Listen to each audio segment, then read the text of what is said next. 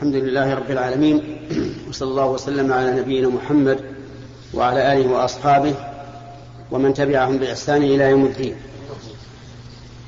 أما بعد فهذا هو اللقاء السادس السادس والخمسون من اللقاءات الأسبوعية التي تتم كل أسبوع في يوم الخميس. وهذا الخميس هو اليوم السابع عشر من شهر ذي القعدة عام أربعة عشر وأربعمائة وألف وحيث إن موسم الحج قد قرب فإن من الجدير أن يكون كلامنا فيما يتعلق بالحج والعمرة. وقد مضى في الدرس السابق بيان من تجب من يجب عليه الحج والعمرة. أما الآن فإننا سنتكلم عما يترتب على الإحرام بالحج أو العمرة وهو الذي يسمى عند العلماء بمحظورات الإحرام. وذلك أن من حكمة الله عز وجل أن جعل أن جعل للعبادات شروطا للصحة وجعل لها موانع للصحة. فشروط الصحة الشروط والأركان والواجبات وموانع الصحة هي المفسدات. فمثلا الصلاة فيها موانع للصحة. الكلام في الصلاة يبطل الصلاة. الصيام له مبطلات وهي المفطرات. الحج له محظورات. محظورات الإحرام هي الممنوعات في الإحرام. أشار الله سبحانه وتعالى إليها في القرآن الكريم وجاءت السنة ببيان كثير منها بل, بل ببيانها كلها. ففي القرآن يقول الله عز وجل الحج أشهر معلومات فمن فرض فيهن الحج بعده فلا رفث ولا فسوق ولا جدال في الحج. الرفث قال العلماء هو الجماع ومقدمات الجماع.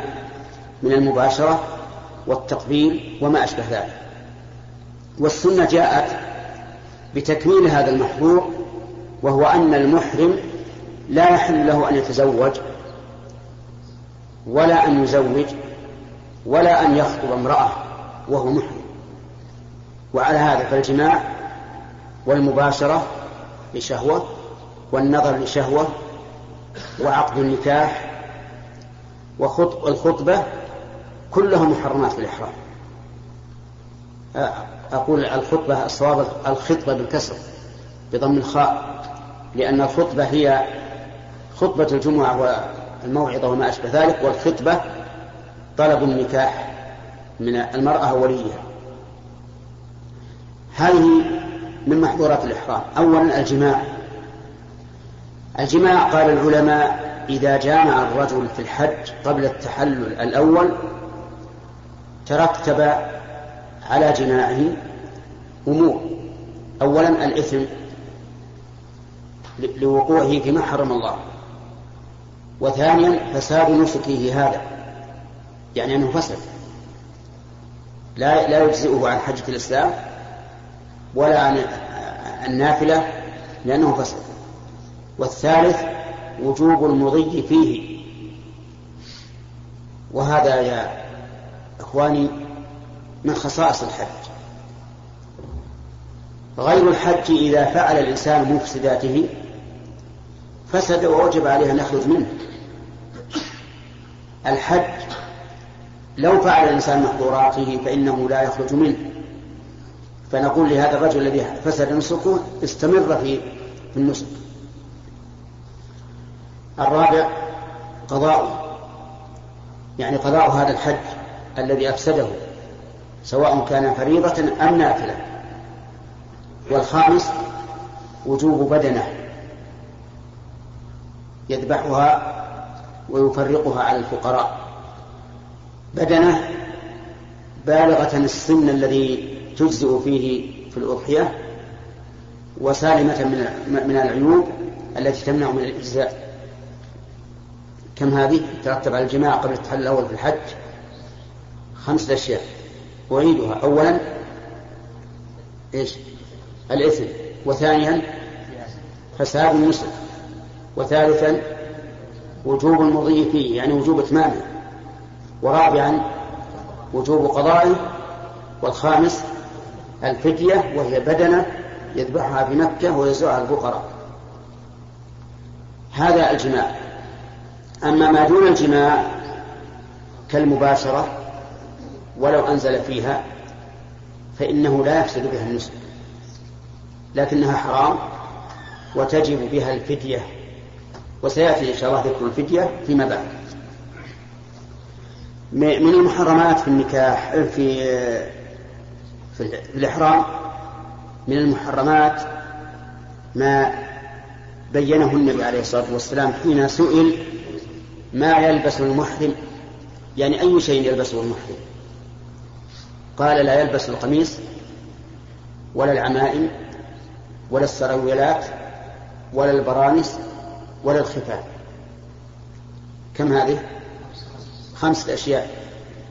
لا يلبس القميص. القميص هو الثوب الذي يسمى الدرع. يعني كثيرنا هذه. هذا قميص. فلا يجوز أن يلبس القميص. ولا العمائم. العمامة التي تلف على الرأس. ومثلها الغطرة والطاقية مثل العمامة. بل قد ثبت في حديث عبد الله بن عباس رضي الله عنهما في قصة الرجل الذي وقصته راحلته وهو واقف بعرفة فمات رضي الله عنه. قال النبي عليه الصلاة والسلام اغسلوه بماء وسدر وسدر وكفنوه في ثوبيه ولا تخمروا رأسه ولا تحنطوه فإنه يبعث يوم القيامة ملبيا. معنى لا تخمر رأسه يعني؟ لا تغطوه وانتبه لقولك كفنوه في ثوبين. يعني لو مات المحرم ما لا لا نذهب إلى السوق نأتي له بخرقة نكفنه. نكفنه في ثوبين في لباس الإحرام الذي هو لابس. غير المحرم معروف أنه يلف بثلاث لفائف. لكن المحرم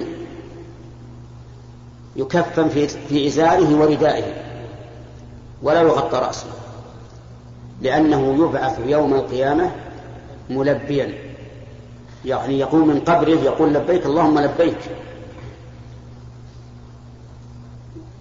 نظير في الجهاد الرجل يستشهد فيموت. يبعث يوم القيامة وجرحه يثعب دما يخر دم. قال النبي عليه الصلاة والسلام اللون لون الدم والريح ريح المسك. إشهار اللون بأن هؤلاء قتلوا في سبيل الله. على كل حال نعود إلى الحديث. يقول لا يلبس القميص ولا العمائم ولا السراويلات. السراويلات هي السراويل المعروفة. ولا البرانس البرانس ثياب واسعة يكون لها شيء يغطي الرأس متصلا بها. وأظن بعض وأظن بعضكم قد رأى هذا النوع من اللباس وأكثر من يلبسه أهل المغرب شاهدونه في مكة. ولا الخفاف. الخفاف يعني الكنادر وكذلك الجوارب مثلها. لا لا يلبسها. ثم قال النبي صلى الله عليه وسلم إلا من لا يجد إزارا فليلبس السراويل ومن لم يجد نعلين فليلبس الخفين. فرخص النبي عليه الصلاة والسلام لمن لا يجد إزارا أن يلبس السراويل ولمن لا يجد نعلين أن يلبس الخفاف. طيب لو أن إنسانا آه، لبس فنيلة فنيلة ليس فيها خياط كلها منسوجة في النسج. هل هذا حرام عليه ولا غير حرام؟ ما فيها خيار. نعم؟ هذا حرام ما يجوز. لأن النبي صلى الله عليه وسلم منع السراويل وهي تستر أسفل البدن كذلك الفنيلة تحرم. طيب ولو لبس إزارا مرقعا مخيط حرام ولا غير حرام؟ نعم غير حرام. ولو لبس نعالا مخروزة مخيطة بالخرز حرام ولا غير حرام؟ غير حرام. إذا أريد أن أن أنتشل من أذهانكم فكرة بعض الناس حيث يظن أن كل شيء فيه خياطة فهو حرام. وهذا ليس ليس بصحيح. ليس كل شيء في خياطة حرام حراما. الحرام ما حرمه الله ورسوله. وعلمتم الآن أن النبي عليه الصلاة والسلام حرم في اللباس خمس أشياء. هي ما هو الذي حرم الرسول؟ لا. الرسول ما قال المخيط أبدا. ولهذا نقول لو أننا عبرنا بما عبر به الرسول لكان أحسن لأننا إذا عبرنا بقول الحرام لبس المخيط ساء فهم بعض الناس فيه في معناه. ولهذا يسأل الناس كثيرا يقول إذا كان عليه ثوب مخيط إزار مخيط هو حرام؟ نقول ليس بحرام. ما الذي قال الرسول؟ نعم.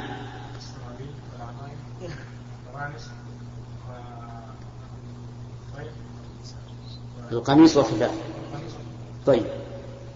هذه خمس أشياء. طيب لو أن الإنسان لبس ساعة يد. حرام ولا غير حرام؟ ها؟ غير حرام. ما لبس. نقول لا غير حرام. لأن الرسول صلى الله عليه وسلم قال لا يلبس وعد الأشياء التي لا تلبس. يعني معناه ما سوى ذلك فإنه يلبس. طيب لو أن رجلا تلفلف بالقميص جعله لفافة على على صدره حرام ولا غير حرام؟ ها؟ جائز؟ يعني غير حرام. ليش؟ لأنه لم يلبس. والرسول قال لا يلبس. فهذا الرجل لم يلبس.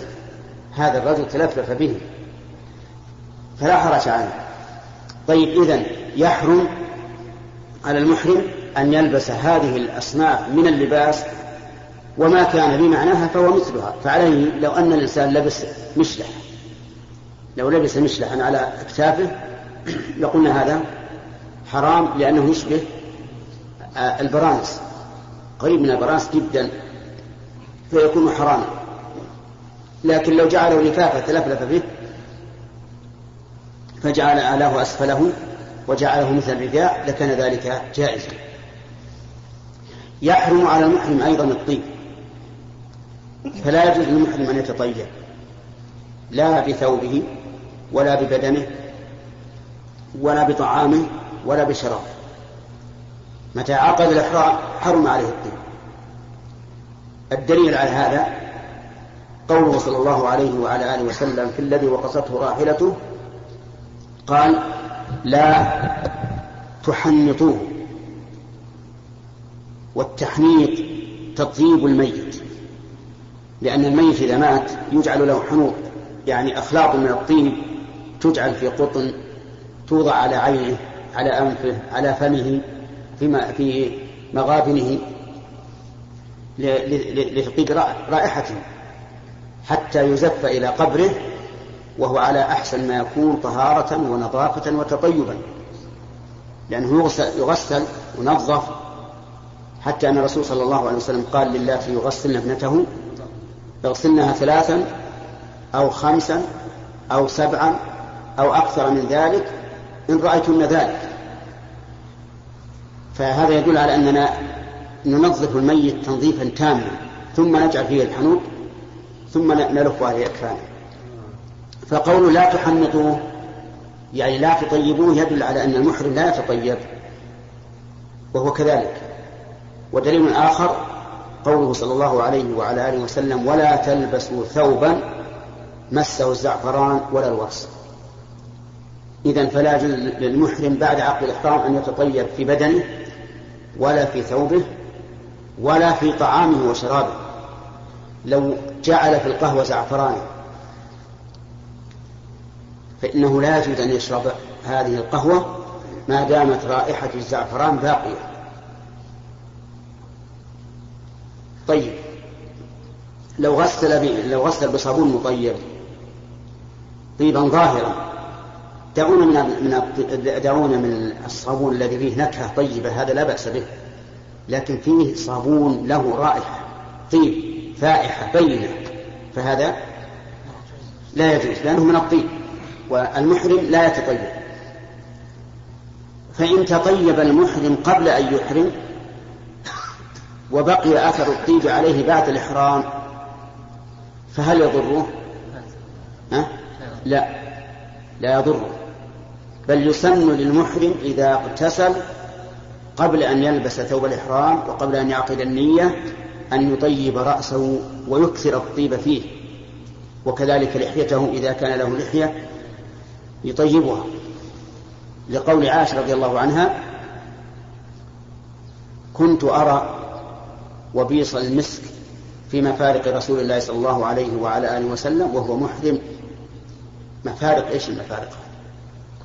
مفارق الرأس لأن الرسول عليه الصلاة والسلام كان له رأس يصل إلى كتفيه وإلى شحمة أذنيه أحيانا وكان يفرقه آه، فرقا على الناصية وفرقا على الجانبين ويضع فيه الطيب ويكثر من الطيب أدام يرى وبيص المسك أي بريقه ولمعانه وهو محرم يدل على أنه يكثر من الطيب فإذا قال الإنسان إذا تطيبت برأسي وتوضأت فماذا أفعل؟ لأني إذا توضأت سوف إيش؟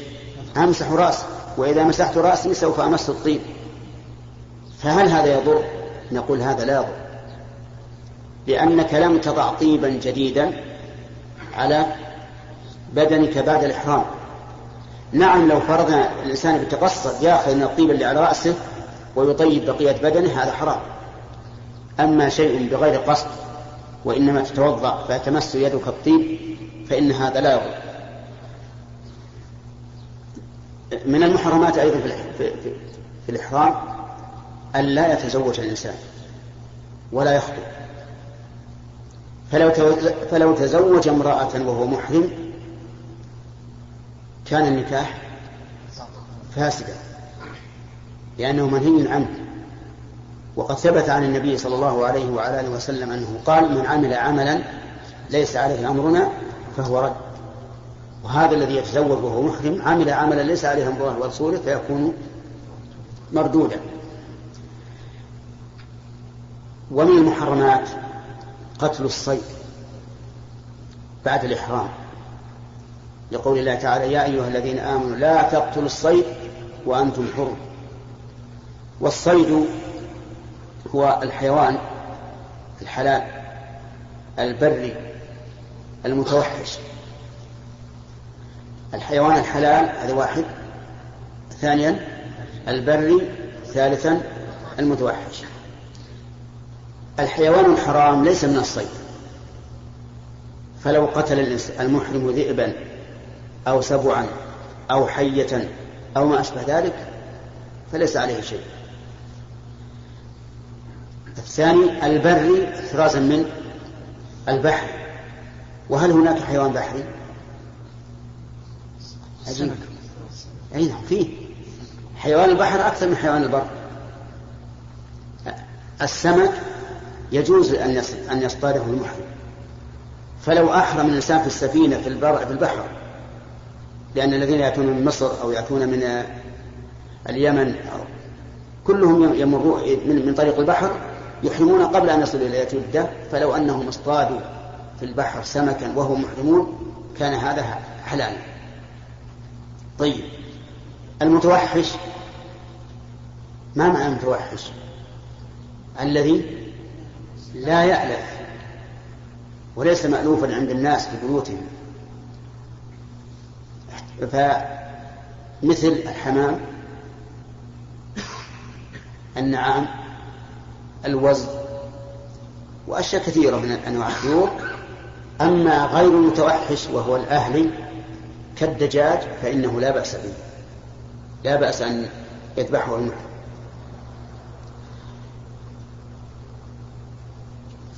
فبعد هذا نقول إذا فعل الإنسان محظورا في الإحرام وهو لا يدري أنه محظور يحسب أنه لا بأس به.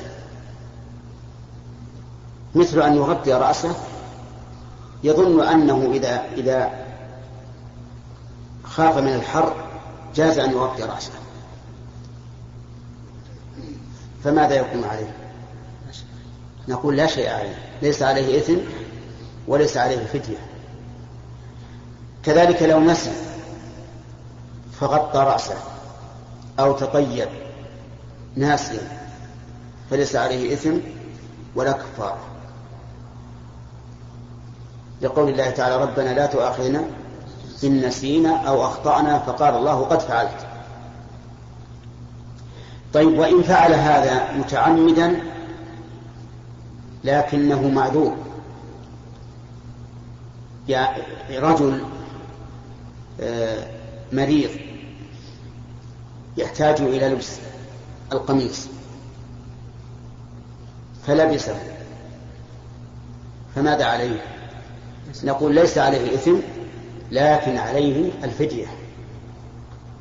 والدليل على هذا قوله تعالى في في الرأس. قال ولا تحلقوا رؤوسكم حتى يبلغ الهدي محله فمن كان منكم مريضا أو به أذى من رأسه ففدية من صيام أو صدقة أو نسك.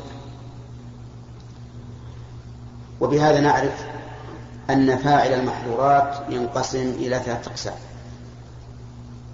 القسم الأول أن يفعلها لحاجته إليها فهذا ليس عليه إثم ولكن عليه إيش؟ الفدية. أو الكفارة لكن الفدية أحسن لأنها هي التي ذكر الله في القرآن ففدية من الثاني أن يفعلها ناسيا أو جاهلا أو مكرها فهذا ليس عليه شيء لا إثم ولا فدية. ولكن متى زال عذره؟ وجب عليه التخلي. مثلا إذا كان ناسيا متى ذكر؟ يجب عليه أن يتخلى عن المحظور. إذا كان جاهلا فمتى علم؟ وجب عليه أن يتخلى عن المحظور. الثالث أن يفعلها لا لحاجة ولا لعذر من جهل أو نسيان أو إكراه فهذا آثم وعليه الفدية فيما تجب فيه الفدية. ونقتصر على هذا في محظورات الإحرام وربما يكون لنا كلام أوسع إن شاء الله تعالى في محاضرة ستكون في ليلة الاثنين المقبل أي مساء يوم الأحد في الجامع. الكبير في في عنيزة ونظرا لضيق الوقت الآن ولأن بعضكم يكون عليه يكون عنده أسئلة نتوقف. والحمد لله رب العالمين وصلى الله وسلم على نبينا محمد وعلى آله وأصحابه ومن تبعهم بإحسان إلى يوم الدين. والأسئلة وإن كانت من واحد فهي للجميع في الواقع. ولهذا نقول إنه لا يسمح بأكثر من سؤال ولا بتعليق على السؤال. نعم. بسم الله نبدأ من اليمين بسم الله الرحمن الرحيم. فضيلة شيخنا أمتع الله بكم. ما نصيحتكم لكثير من الشباب الذين قصروا في طاعة الله وكثير ما نرى في أوقات الصلوات بعض الشباب هداهم الله يلعبون الكرة ويفحطون بالسيارات فيعرضون أنفسهم وغيرهم للهلاك. نرجو توجيه كلمة نافعة لمثل هؤلاء الشباب نفع الله بكم وأمتع بكم. آه، نصيحتي لهؤلاء الشباب ولغيرهم ممن يفرطون في ترك الواجب لأن الشباب ليس كل شيء يضيع من واجبات الدين. يجعل على الشباب. الشباب وغيرهم عندهم تضييع تفريط في الواجب. فنصيحتي لإخوان المسلمين عموما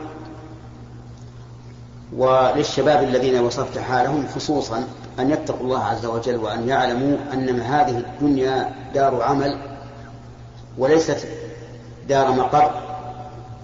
ومع هذا لا يدري الإنسان متى ينتقل عن هذه الدنيا. قد يصبح ولا يمسي أو يمسي ولا يصبح فالواجب المبادرة بالتوبة والرجوع إلى الله عز وجل. وليبشر التائب. أنه إذا تاب محى الله عنه ما سبق من الإثم مهما عظم. قال الله تعالى والذين لا يدعون مع الله إلها آخر ولا يقتلون النفس التي حرم الله إلا بالحق ولا يزنون. وهذه أمهات المعاصي والعظائم الشرك وقتل النفس المحرمة بغير حق والزنا يقول ومن يفعل ذلك يلقى أثاما يضاعف له العذاب يوم القيامة ويخلد فيه مهانا إلا من تاب وآمن وعمل عملا صالحا فأولئك يبدل الله سيئاتهم حسنات وكان الله غفورا رحيما فنصيحتي لنفسي أولا ولإخواني المسلمين ثانيا المبادرة. المبادرة إلى التوبة قبل أن يحل الأجل لأنه إذا حل الأجل لم تنفع التوبة. قال الله تعالى وليست التوبة للذين يعملون السيئات حتى إذا حضر أحدهم الموت. قال إني تبت الآن. هذا ليس له توبة. هذا هذا كلام الله عز وجل. والشاهد من الواقع قصة فرعون. حتى إذا أدركه الغرق ماذا قال؟ قال آمنت أنه لا إله إلا الذي آمنت به بنو إسرائيل وأنا من المسلمين. فقيل له آه الآن يعني أتتوب الآن؟ وقد عصيت قبل وكنت من المفسدين. فالحاصل أني أنصح إخواني أنصح نفسي أولا وأتوب إلى الله مما صنعت. أن و... وثم إخواني ثانيا أن نبادر بالتوبة. قبل أن يحل الأجل ثم لا تنفع التوبة. وما أعظم الندم في تلك اللحظة ما من ميت يموت إلا ندم. إن كان مسيئا ندم أن لا يكون استعتب وإن كان محسنا ندم أن لا يكون ازداد. كل ميت يموت. حتى إذا جاء أحد نعم. كل ميت يندم. حتى إذا جاء أحدهم الموت قال رب ارجعون لعلي أعمل صالحا فيما تركت كلا لا رجوع. إنها كلمة هو قائلها ومن ورائهم برزخ إلى يوم يبعثون انتهى العمل. أما الشباب الذين أنعم الله عليهم بالقوة والشبابية أنصحهم أن يستغلوا هذه القوة وهذا الشباب فيما يرضي الله عز وجل. وهم إذا مرنوا أنفسهم على الطاعة سهلت عليهم بل شق عليهم فقدها. والكرة يمكن أن يلعبوها في وقت آخر. نحن لا نحرم عليهم الكرة. إذا كانوا يلعبون من غير ترك واجب ومن غير كلام محرم ومن ومن غير كشف عورة. لما فيها من الراحة بعض الشيء وتقوية البدن والإنسان لا يمكن أن يكون دائما في جد النفس تمل. وقد قال النبي عليه الصلاة والسلام إن لربك عليك حقا وإن لنفسك عليك حقا.